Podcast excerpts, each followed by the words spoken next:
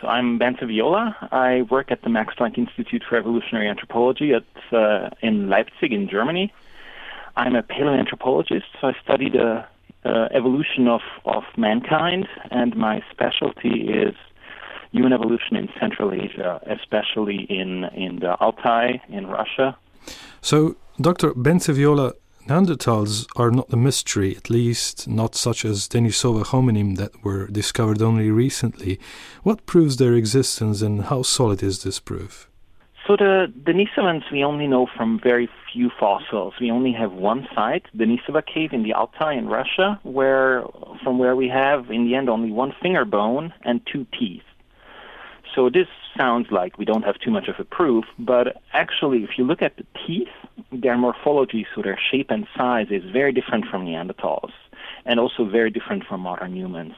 It's very archaic, so very primitive. It actually looks a lot like teeth you would find maybe one and a half, two million years ago, but these are only 50,000 years old, so it's it's quite surprising. And then the even more important evidence for us is that we have the DNA of these hominins. So there's now new methods which extract the DNA um, that uh, that uh, codes for for all of our body in the end. The, the, the DNA is the genetic code that that describes how our body will develop and and and how it is.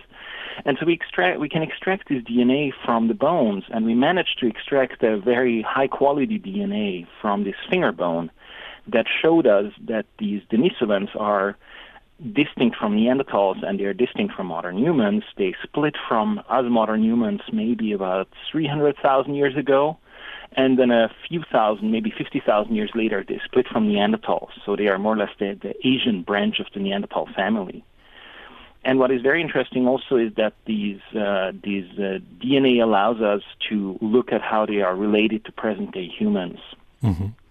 But I think this comes up in one of your later questions. It does. Uh, so geographically, where did uh, they live and how did they look like? So we, we only have the Denisovans at the moment from Denisova cave in the Altai uh, in, in Russia. But based on the DNA, we actually think that they were much more widely distributed. Because we see evidence in present day humans in Melanesia, so in Australia, in Papua New Guinea, and in parts of Indonesia, um, that these these uh, present day humans actually received some DNA from the Denisovans, while people in mainland Asia don't have any DNA from Denisovans. Mm-hmm. So we think that uh, these uh, the ancestors of present day Melanesians, of Australians and New Guineans, must have met the Denisovans somewhere after they split from the population that lives today in mainland Asia, which we think must have been somewhere in Southeast Asia. Mm-hmm. So we think that they were much more widespread, but we only have them at the moment from Denisova Cave. I see. And how they looked is a very good question. Um, as we only have these two teeth, we know that they had big and weird teeth, but that's more or less all we know about how they looked like. Mm-hmm. Uh, and comparing to modern human and Neanderthal, uh, what are the main differences with Denisovans? The biggest difference, what what I can see as somebody who studies the fossils themselves, is is really the shape and the size of the teeth. Otherwise, we we don't know very much. And then, of course, there's the genetic difference mm-hmm. um, that is uh, that shows us that they split from modern humans and Neanderthals quite a while ago. Mm-hmm. No tools were found. Are there any clues otherwise suggesting how advanced they were? Did they produce and use tools in their everyday life? Um, they definitely use tools. Um, we have the problem that uh, Denisova Cave is a very complicated uh, place. There has been a lot of activity by hyenas and by other carnivores in there, probably soon after the Denisovans lived there, and these, these animals were digging around. So a lot of the deposits, the different layers of soil in the cave where the fossils are in, are mixed together.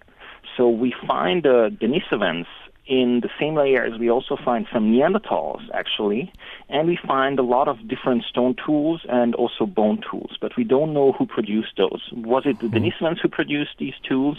Some of them, for sure, um, but uh, probably not all of them. Did the Neanderthals produce others? And maybe there were also modern humans in the region at the same time who also produced some of the tools. So it's very hard for us to tell which of the tools were produced by whom. Mm-hmm. So we, we are quite sure they produced stone tools um, but we don't know exactly how those looked.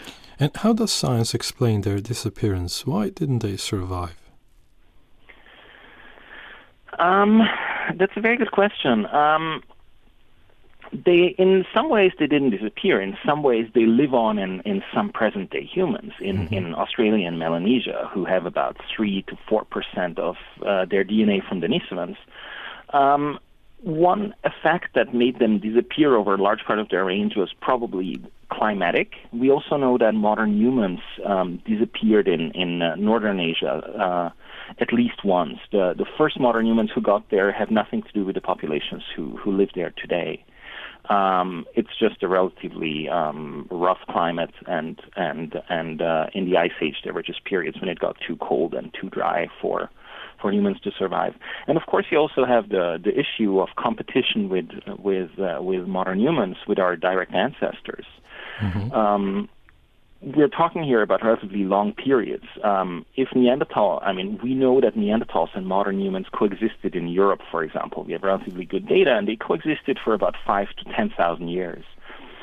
Likely, it was similar in Siberia with Neanderthals, Denisovans, and and modern humans very small differences in in efficiency in in fitness um, would uh, would uh, would be enough uh, to to outcompete the the Neanderthals. Statistical or the Denisovans. There are statistical models that show if you have uh, if your fitness is is uh, one uh, higher, so you have about one percent more kids to, who survive in in every generation then about 50 generations are enough to to uh, mm-hmm. uh, maybe a little bit more, maybe 100 generations are enough to to displace these people.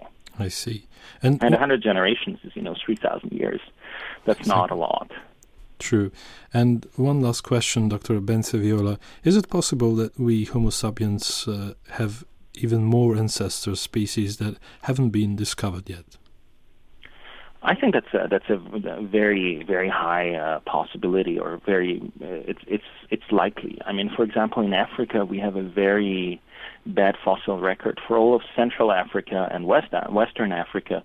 We practically don't have any any human fossils that predate, let's say, 10,000 years. Um, we know that there were modern humans in in uh, South Africa starting at about, uh, let's say, 120,000 years ago. We know they were in Eastern Africa starting by about 200,000 years ago.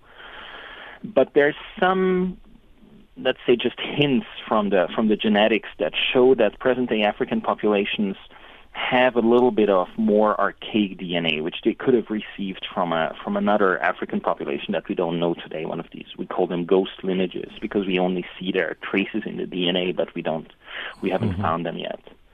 So there are there is such a thing, but it's it's we're all very curious uh, if if we find it and when we will find it. Oh, I see. Well, Dr. Bence Viola, thank you very much for your answers. It was a interesting interview, and we know now a bit more about our species. Thank you very much. Thank you very much.